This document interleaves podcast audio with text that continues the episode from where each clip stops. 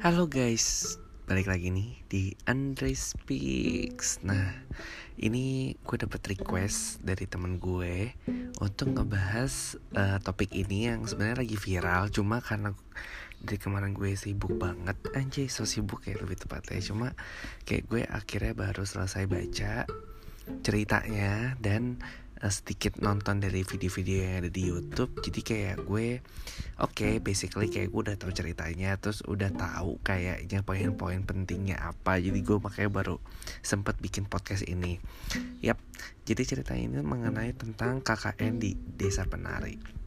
First of all uh, mungkin gue sempet lihat ada orang yang update di Instagram terus ngebahas KKN itu apa? Yang kita tahu tuh kan kayaknya KKN yang mungkin lebih familiar bagi rakyat-rakyat umum adalah korupsi, kolusi, dan nepotisme ya kan? Pertama gue juga mikirnya seperti itu kan. Kayak bodoh KKN kayak gue pikir ada kasus sengketa tanah desa gitu loh kayak oh ada korupsi di desa penari terus kan kayak gue sempat baca sempat cari juga tuh desa penari itu emang ada ya di Indonesia gitu kan coba Oke, ternyata itu salah ya guys. Jadi ternyata KKN itu adalah kepanjangannya kuliah kerja nyata. Ya, jadi jangan sampai ada yang salah kayak ini tuh politik ya. Ini tuh kasus uh, penggelapan uang ya atau gimana? Bukan, bukan guys. Tapi ini kuliah kerja nyata tuh kayak ibaratnya mungkin magang kali ya. Tapi magang maksudnya bener-bener di tempat yang perlu praktek kali ya. Maksudnya kayak kan kerja nyata jadi mungkin lo kalau SMK kan ada PKL juga ya praktek kerja lapangan. Nah, something like that lah. Intinya lo turun turun di lapangan menyatu dengan rakyat terus lo bikin program kerja di sana. Something like that lah ya yang intinya seperti itu. And then uh, satu hal lagi yang pasti kalian tahu kalau semua nama tempat itu semua uh, disamarkan. Jadi maksudnya desa penari itu cuma cold name aja. Terus dari cerita yang gue baca di tulisan juga banyak inisial inisial daerah doang. Nama-nama karakter juga. Hmm, apa namanya ya? Banyak yang bohong kayak gitu. Jadi maksudnya kayak oke okay, fine I got it gitu kan. Jadi kalian jangan percaya sama cerita ini 100% bahkan ini disclaimer di awal yang menurut gue oke. Okay, jadi sebenarnya gue ini menyimpulkan bahwa ini kayak ceritanya bohongan atau dilebih-lebihkan. Karena dari yang video yang gue tonton uh, based on video dari Dika sanksi apa tuh penulis di Twitter itu simple man yang huruf tog, angka togel itu dia tuh bilang kalau ya ada part-part of them yang dia tuh tambahkan atau kayak supaya ceritanya itu sinkron antara kan ternyata ada dua versi ya yang gue tahu yaitu versinya si Nur sama versinya dia jadi kayak menurut gue sih ada beberapa penambahan yang untuk membuat cerita ini menjadi lebih creepy atau lebih menegangkan menurut gue. Jadi first of all yang gue tangkap sih menurut gue ini ceritanya semua bohongan kayaknya ya literally atau maksudnya kayak dilebih-lebihkan kak. Atau mungkin ya nggak separah ini. Cuma gue gak tahu sih kalau memang sampai separah ini nih wow so scary banget sih. Atau bisa jadi inspirasi buat pas ini para perfilman tuh atau apa pasti udah terinspirasi banget pingin bikin film ini. Karena menurut gue ini cerita yang sebenarnya sudah ada sih di film-film orang Indo. Maksudnya ceritanya itu simple menurut gue. Dan kayaknya sudah ada film-film yang sejenis seperti ini. Cuma karena uh, ceritanya itu dibuat dalam bentuk Twitter mungkin ya terus bisa si viral ini makanya tuh kayak oke okay, ini kisah nyata padahal belum tentu. Dan dari penulisnya si Simple Man sendiri pun mengakui bahwa ya cerita ini dilebih-lebihkan atau bahkan cerita ini adalah dari mulut ke mulut. Jadi dia ini hmm, bukan yang ngalamin dia juga bukan temennya yang ngalamin. Jadi dia nih tadi yang gue sekilas dengar adalah orang tuanya itu punya temen. Nah dia dengar dari si uh, orang tua temennya ini. Jadi at least beda umurnya agak jauh ya. Dan gue nggak tahu itu versi dari memang karena kan katanya ini lulusnya 2009 ya. Apa jadi udah sekitar 10 tahun yang lalu. Jadi agak mungkin ya yang temennya nyokapnya ini mungkin ya ya sekarang mungkin Widya yang masih hidup atau gue nggak tahu deh ya. Gue nggak sempet explore lebih jauh. Cuma intinya gue memang dari awal saat mengetahui cerita ini atau membaca cerita ini menurut gue ini adalah cerita yang hmm, kayaknya dibuat-buat ya walaupun gue nggak boleh seuzon ya. Jadi buat teman-teman yang mungkin nggak belum apa namanya belum baca cerita ini atau tahu cerita ini gue simpulkan dalam ya beberapa menit ke depan ya. Jadi intinya adalah ada enam orang yang pergi ke desa penari ini untuk KKN tadi ya. Walaupun which is walaupun which is yang di mana tuh sebenarnya Ayu Ayu dan si siapa tuh? Nur itu sebenarnya sudah tahu bahwa desa ini kayaknya agak-agak seram. Cuma menurut gue kenapa mereka lanjutin ya? Bahkan dari hari pertama saat mereka sudah sampai aja kan banyak kejadian-kejadian janggal.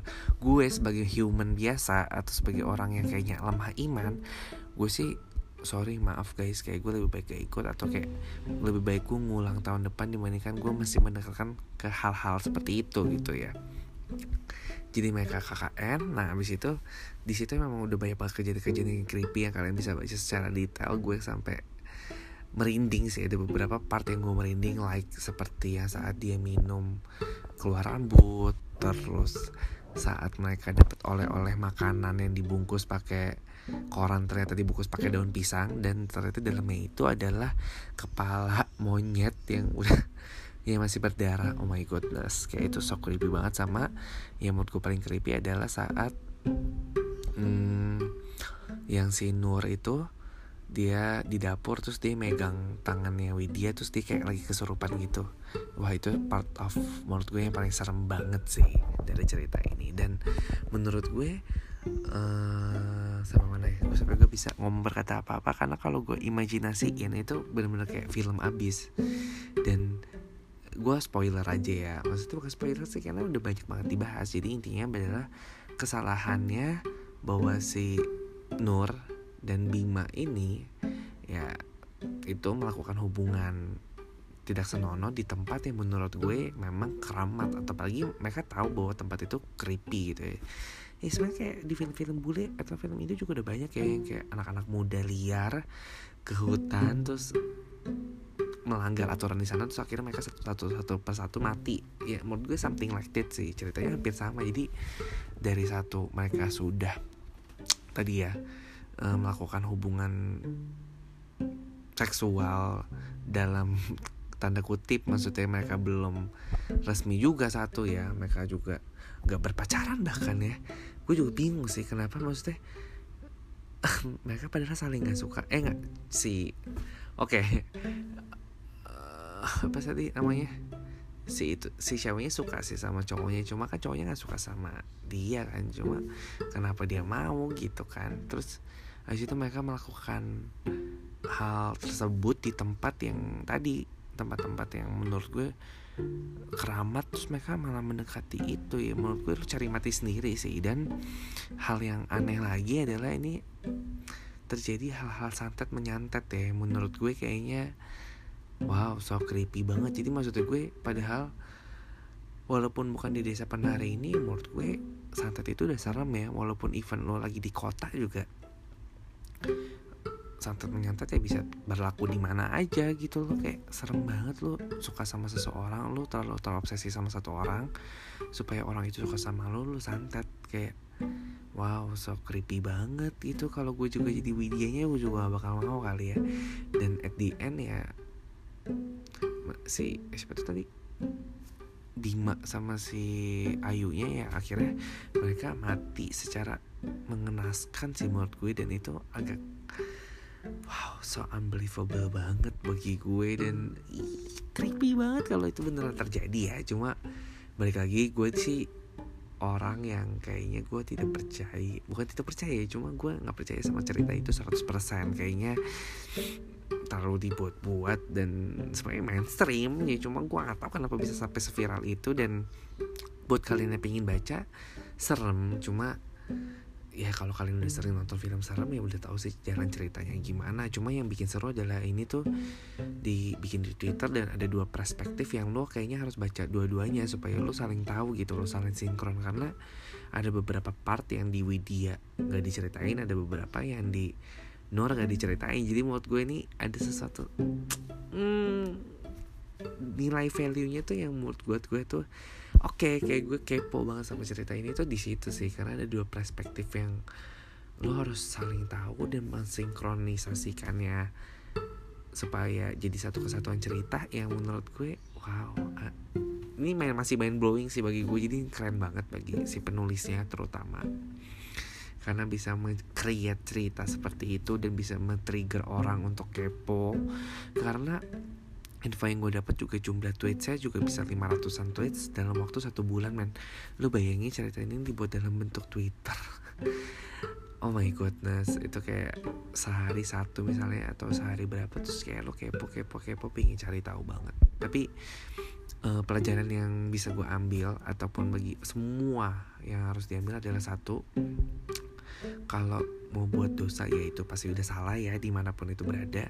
Ditambah kalau dosa itu di perlakukan di tempat yang sewa, tidak sewajarnya ya lo harusnya menjaga attitude lo, etika lo, perilaku lo, perkataan lo. Karena semuanya itu udah dari dulu selalu ditetapin ya sama orang tua kita. Kalau misalnya kita pergi ke tempat asing itu ya lo harus jaga etika, perbicaraan, tingkah laku lo. Jangan sampai melanggar adat istiadat mereka, melanggar agama, peraturan. Kalau enggak ya lo bakal kena batunya sendiri gitu lo, even lo dimarahin sama warga di sana atau makhluk halus. Ya karena gue sebenarnya percaya kalau makhluk halus itu ada. Cuma gue tidak percaya bahwa the power of death itu kayak wow luar biasa banget gitu loh. Bahkan so creepy gitu kan. Jadi ya buat teman-teman yang belum baca menurut gue ini diambil hikmahnya aja. Jangan sampai kalian terbawa terbawa kepercayaan ke hal tersebut. Maksudnya gue ya asal sekedar tahu dan ambil hikmahnya jangan sampai hal itu terjadi di kalian karena kebodohan kalian sendiri. Menurut gue sih ini karena kebodohan mereka sendiri ya. Dan satu hal yang menurut gue Widya dan teman-teman bego adalah saat lo tahu kalau tempat itu serem ya lo buru-buru pergi lah. Apalagi waktu itu ada satu kesempatan di mana Widya dan Anton ya atau Wahyu itu mereka pergi ke kota gitu loh untuk cari barang-barang kan. Kenapa lo nggak kabur? Balik aja ke rumah gitu loh kayak menurut gue itu something yang no logic sih kayak bagi gue lo udah takut apalagi gue orangnya penakut ya terus ditantangin untuk hidup di tempat itu selama enam minggu ya. Gila itu kayak rasanya bisa jadi enam tahun bagi gue kayak semalam aja gue bisa nangis dan langsung minta pulang gitu loh kenapa lo tiba-tiba tetap stay di sana gitu loh. Walaupun ya itu sih menurut gue nggak make sense adalah saat lo udah dilarang sama ketua desa si Pak Brabunya. Cuma lo tetap ke ya, lo nggak pernah nonton film apa mungkin tahun 2009 tahun 2009 itu belum ada film horor jadi lo belum tahu gitu loh kalau hal-hal seperti itu ya mungkin ada dan ya something stupid lah gitu gue nggak percaya sih. Jadi buat teman-teman semua yang pingin baca dan denger video-video atau denger podcast gue ya kalian podcast gue ini hanya mensamarikan dan opini gue terhadap cerita itu sih. Jadi kalau kalian mau tahu ceritanya kalian baca langsung aja. Jadi bagi kalian yang berharap kayak eh gue mau denger podcastnya Andre? Ah biar gue tahu ceritanya. Gue gak bakal spoiler panjang-panjang cuma tadi kan gue udah ceritain inti-intinya aja supaya kalian gak kaget gitu loh.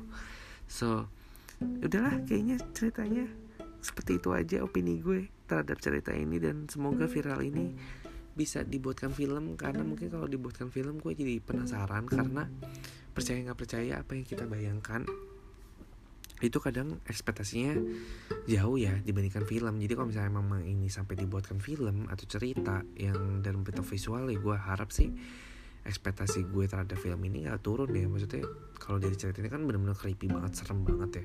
Terus kalau dibikin film jadi biasa aja ya gue sih bakal kecewa abis ya. Gue sih berharap film ini bisa seserem pengabdi setan atau film seserem apa lagi ya?